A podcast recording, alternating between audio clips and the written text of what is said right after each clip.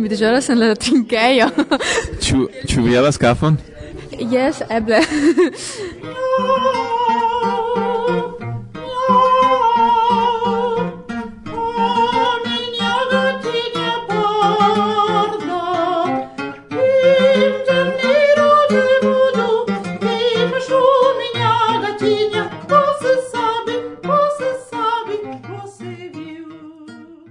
verso via vento, bla bla bla.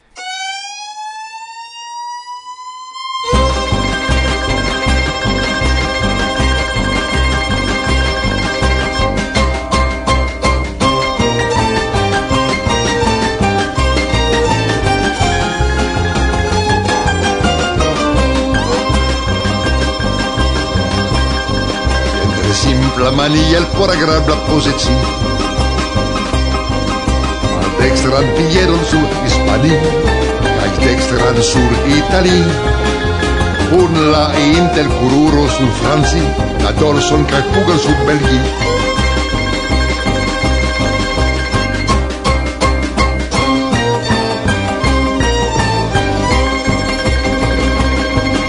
Kaj maldextran manon sur Irlando, la dextran sur Germanie, kai en vi farigas grande gul en politik. La Vilnusa studio de Varsovia Vento. Salutas vin hodiaŭ vespere. Irek? Krzysztof saluton! Michał? Marta Finka Karina. Aurelian? Tupa!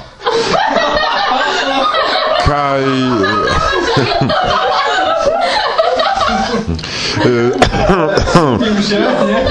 Do giuste vi audas la etoson de la registrado de la mm, quindecnaua jam el sendo in diboc etoso kai antauni boatado kiu okazos post uh, post kelkaj horoj Krzysztof kion vi povas diri pri boatado Pri boatado mi povas diri nenion, ĉar mi nenion partoprenis boatadon. Ĉu vi timas? Jes, mi tre timas, mi ege timas. Kion vi aŭdis pri boatado de la litovoj?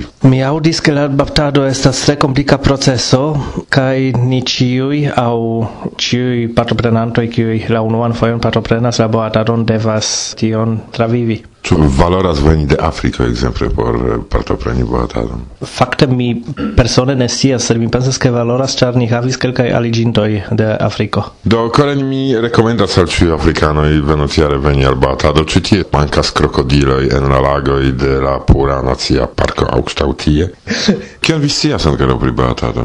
Pri baatado mi scias, ke tio estas ja aranĝo kiu okazas tre multajn jarojn, sed fakte mi ne scias ankaŭ kiam ĝi komencis. Mi pensas, ke en la okdeka jaroj, ĉu ne?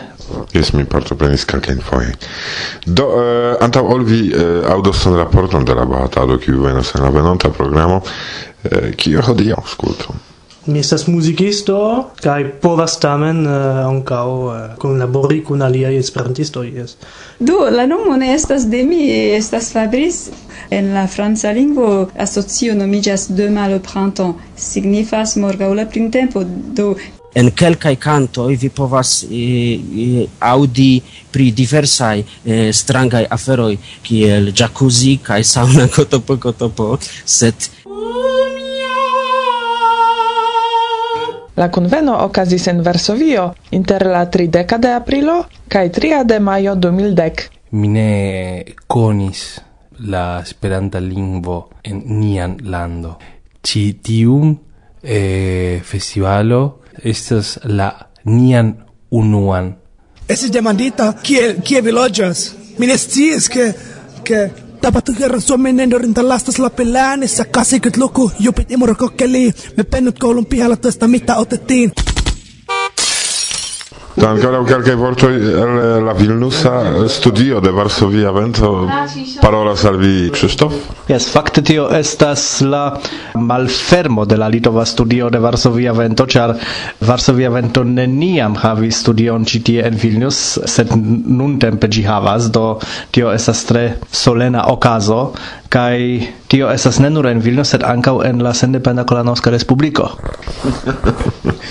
sendependa Kolanoska Respubliko. Do uh, kore ni invitas vin al hodiava programo en kiu sin prezentado de Ternerima son bildoj de la Internacia Junulara Festivalo kiu in preparis por vi Platano Usz. Kaj? Ĉiuj fiŝoj dormas kune, ĉura, ĉura. Varsovia vento. Bla bla bla.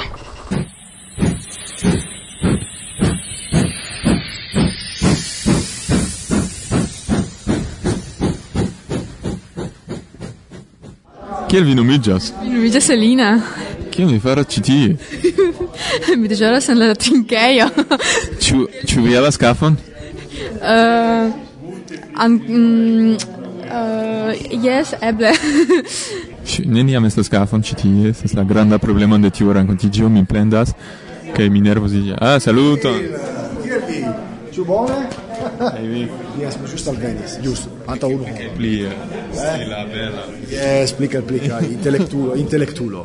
Ĉu vi volas diri vortojn por Varsovia Vento? Ah, Varsovia Vento, mi ne vidas sufiĉe da poloj ĉi tie. Kie vi estas kaj ĉefe polinoj mankas al ni? memorigas al vi che in trincheio disponebla salita viando, fumita porcaggio... Saluton esas mi! Saluton esas mi! Do, kiu estas ci? Estas la demando. Vi povas, vi povas rekoni min, dank al mia belega accento. Varsovia vento La podcasto mia ciam bona momento Varso via vento La orgasmo radia mi ne havas tro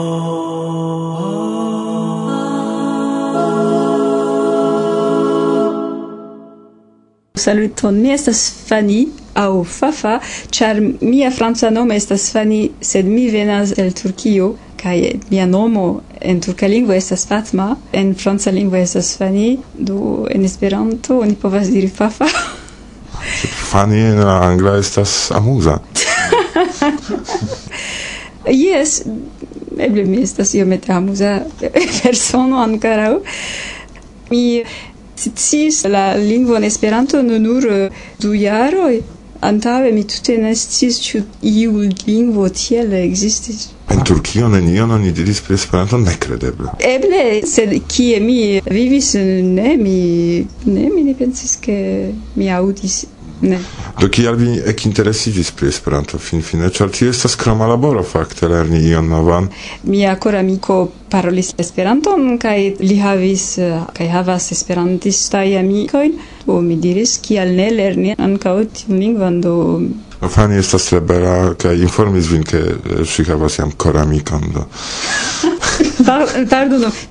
Mi ancora ne estas dankal Esperanton, sed mi une havis la um, koramikinon kaj poste lernis la Esperanton.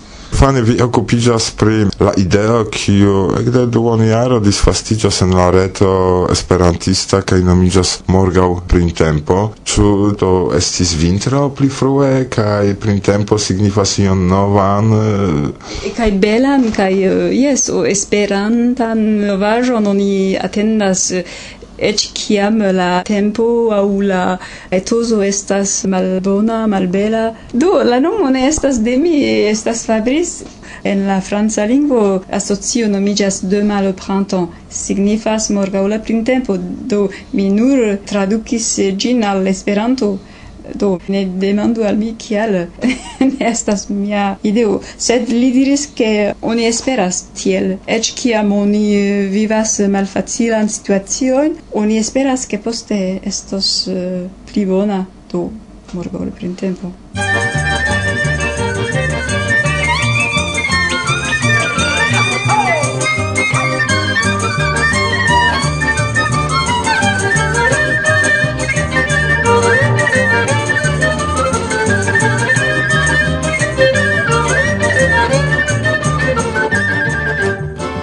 kio temas? Pri teatro temas.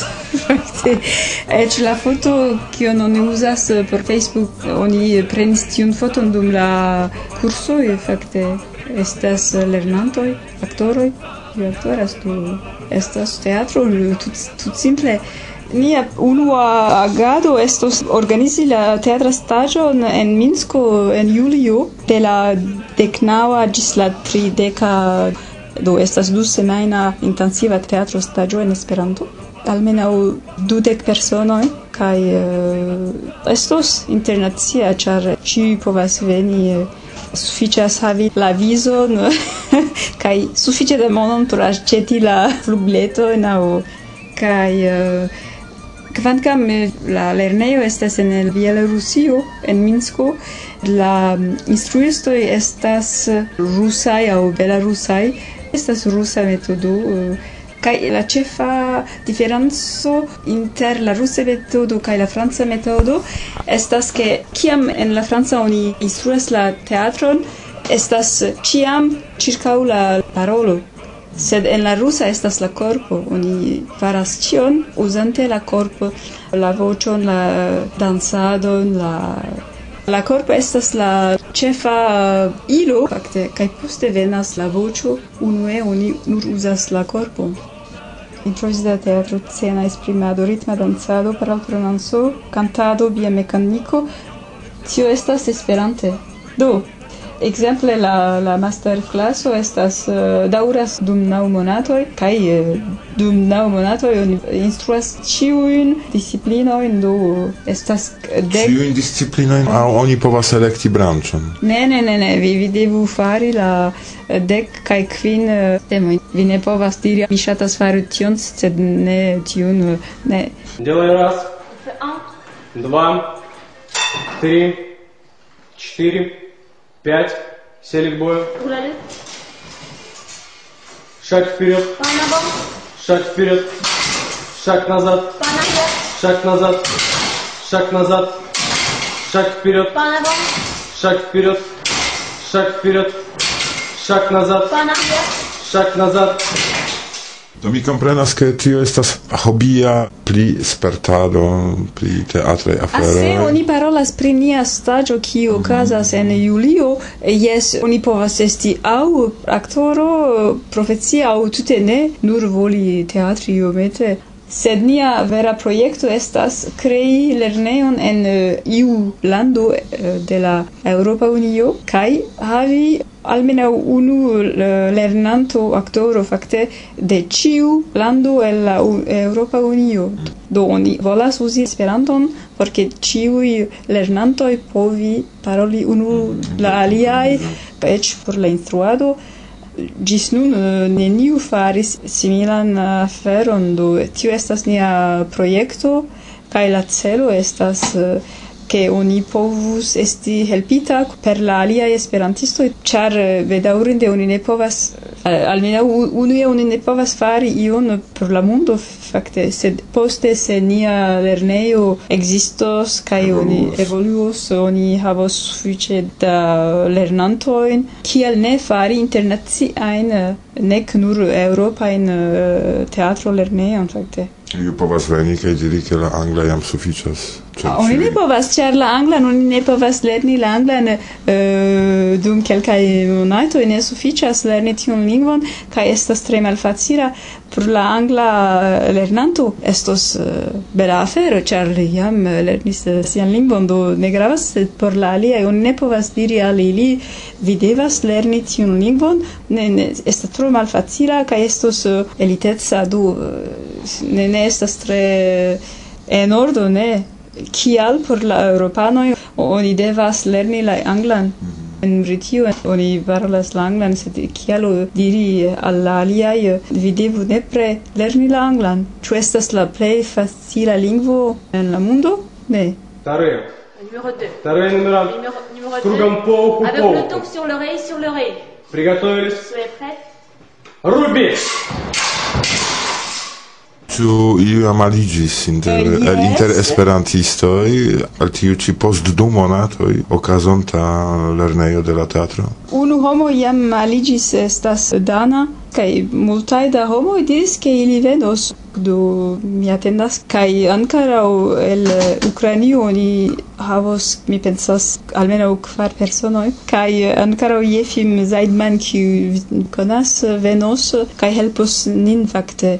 Ĉar la instruistoj ne parolas Esperanton do ankoraŭ kelkaj minskaj esperantistoj partoprenos por helpi nin organizi en fakte la la stagion se venos malpli multe.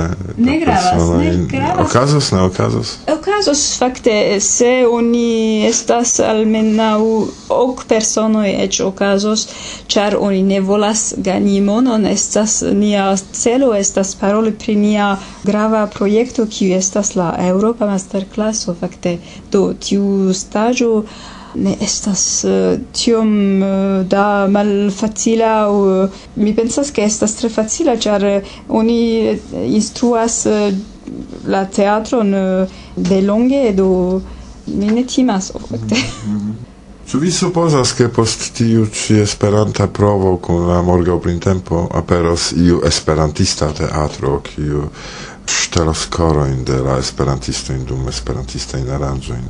Oni esperas, kiel ne? Do oni proponis programon, se oni uh, donas uh, tion, tion kion oni promesis. Yes, mi pensas ke estos uh, sufiĉe por uh, ŝteli uh, korojn, kiel vi diris. Ani ĉu ankaŭ vi aktorumos? Ne, mi ne havas tempon fakte, se mi estas organizant, uh, sed mi, jes, mi ŝatus uh, aktorumi.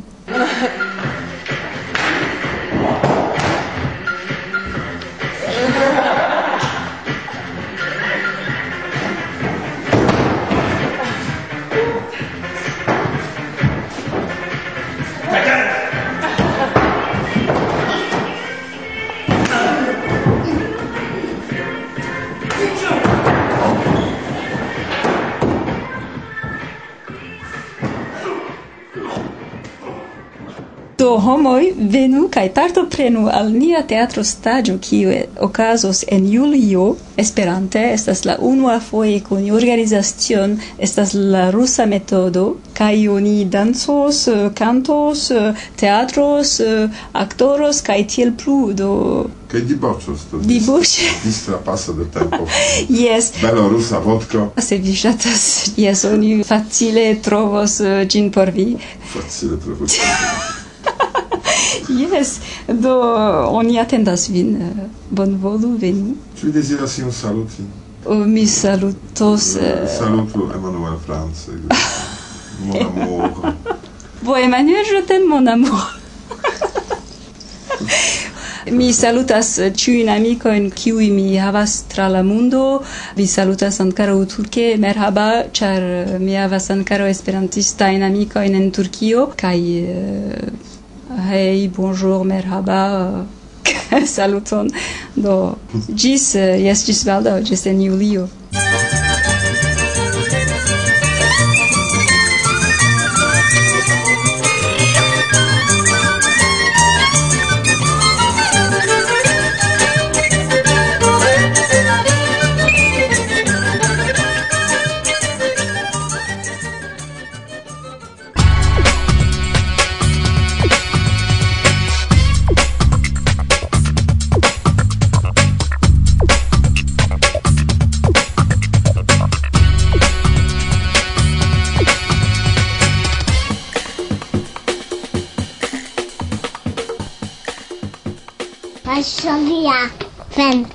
Bla bla bla.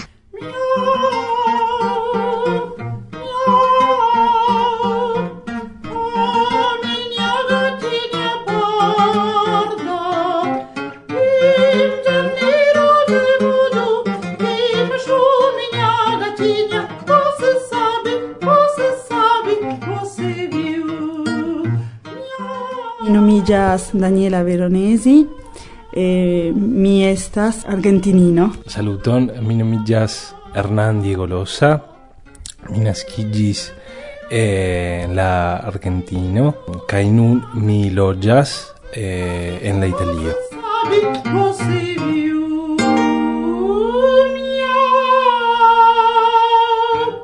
Mia gatinia parda, mian grisa catineto. Heitor Villalobos. Estas klasika Sudameriko, eh, Sudamerika eh, muziko.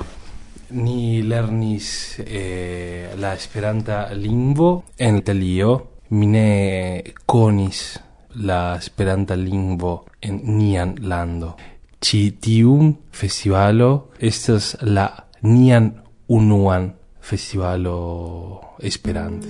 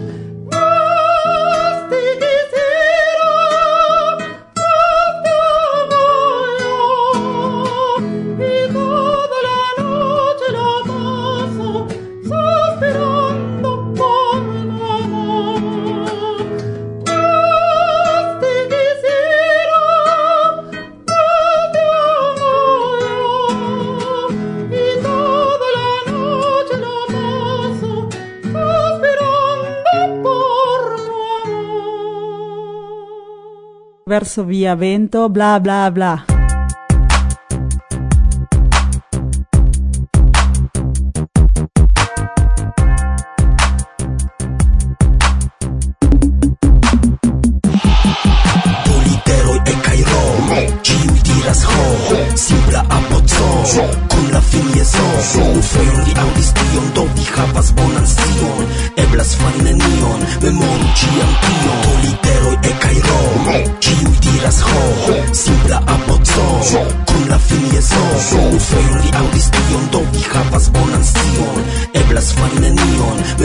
ĉiam tio Tio estas klara kiel sun? Tie alte sur ĉiel Inter homoj regas nun. Sole kaos kaj pelmel venis io. Afer nerekonebla ekster la teram estis plan Tuj realigebla Forto korpanima Povo en lima.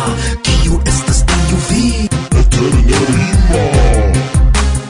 Mi em, eh, rimarkas kun ĝojo ke lastatempe dank' al klopodoj kaj streboj en Esperanton eniris nun iom aliaj ĝenroj de muziko. Antaŭe en Esperantujo estis precipe muziko eh, pop roka kaj baladoj, eh, kanzonoj kotopo, sed mankis eh, elektronikaj stiloj kaj mankis hip-hopo, repo, sed tio jam komenciĝis kaj mi tion vidas kiel iun novan tendencon en eh, Esperanta eh, muzikmondo kaj mi deziras ke tiel estu.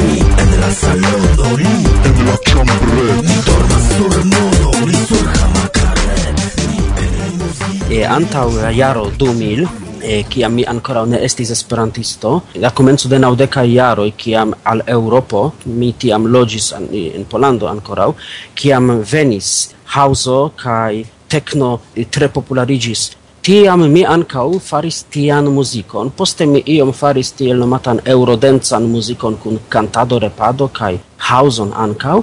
Sed kiam mi fariĝis esperantisto, mi volis eh, fari ion seriozan en tia muziko, sed jam ne en angla lingvo, tamen en Esperanto. Do mia unua ideo estis fari hip-hopon, iun repan albumon provi kiel, kai mi faris tian demo albumon eh, kun titolo Por miai gefratoi, kai ĝi ne estis fakte eldonita, char tiam, tio estis jaro 2000, mi ne havis propran e, muzikstudion kai e, iun taugan muzikilon, do mi devis ciam por fari tion veturi circa 500 kilometrojn al norda Polando, al e, mia konato kiu havas tian studion, kai char mi havis ankaŭ laboron en mia urbo kai ciam malmulte da tempo, tiu muzika albumo restis en la formo de demo kai post ofte por fari iuin shangioin eh, porque disc eldoneio estu contenta mi devus multfoje tion refaradi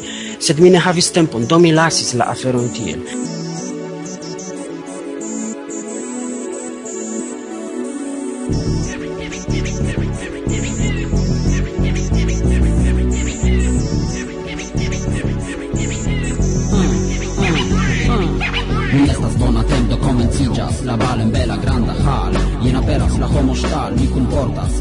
kai eh, vi eh, ble rimarkis tion ke eh, poste pasis kelka jaro kiam mi en Esperanto publikigis nur du kantojn. Tio estas eh, mia alia paralela projekto Lunatico do sur elektronika kompilo estas Planedo Esperanto kaj Aŭskultu.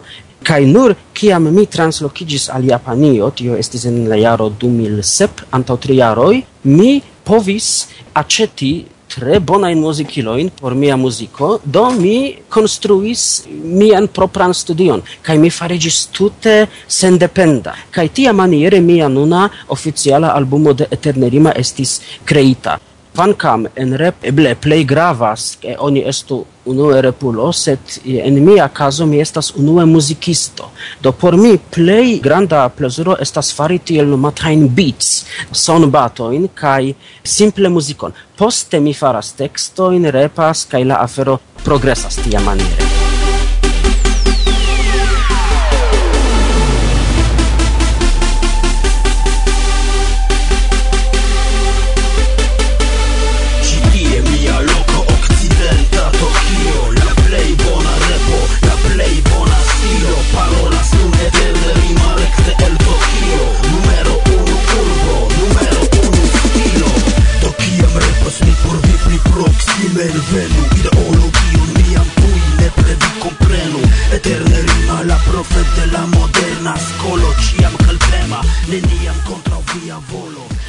Yes, eh, do eh, mi eh, logis eh, tiel kiel mi mencis. En Polando gis la jaro 2007 eh, gis eh, maio kai de tiu tempo mi logas konstante en Japanio kai eh, eble oni eh, estas civola kial mi translokigis do respondo estas tute simpla ĉar mia edzino estas japanino kai krom tio mi eh, jam de mia infanaggio havis ciam grandan simpation kai grandan eh, io diri ĉu amon almenaŭ ŝaton al panio japana kulturo kaj lingvo. Yeah. Esperanto. Mono. Rap mono kai espo rap Esperanto. Mono. Rap mono kai oh, jes mia rilato kun mono estas eh, eble sama kiel rilato de ĉiu ordinara homo kiu ciu devas havi iun rilaton kun mono, sed se vi demandas pri tio, char eble vi baziĝas iel sur miaj tekstoj, do eh, mi pensas ke ne tiel tro sekvu la enhavon de tiuj tekstoj, kiujn mi repas, char kiel mi mencis antaŭe, en kelkaj kantoj vi povas audi pri diversaj strangaj aferoj, kiuj rilatas eh, al mono kaj iuj interesaj aferoj, ekzemple kiel jacuzzi pozi kaj sauna kotopo kotopo, sed tiel rekte eh, ni tion ne rilatigu kun eh, mia persono, sed traktu kiel normale tekstoj de kantoj. Reclamo. Festo! Festo! Festo! Festo! Festo! Festo! Festo! Festo! Festo! E la Franza e de Festo Festo Festo de nove bon venigas vin de la dec tria gis la dudeca de augusto 2010 en Toulouse la plei bella urbo de Francio kie ankaŭ loĝas aŭ apud kiu ankaŭ loggias siomo, kiu concertos dum Festo Festo Festo. Varsovia vento. Bla bla bla bla.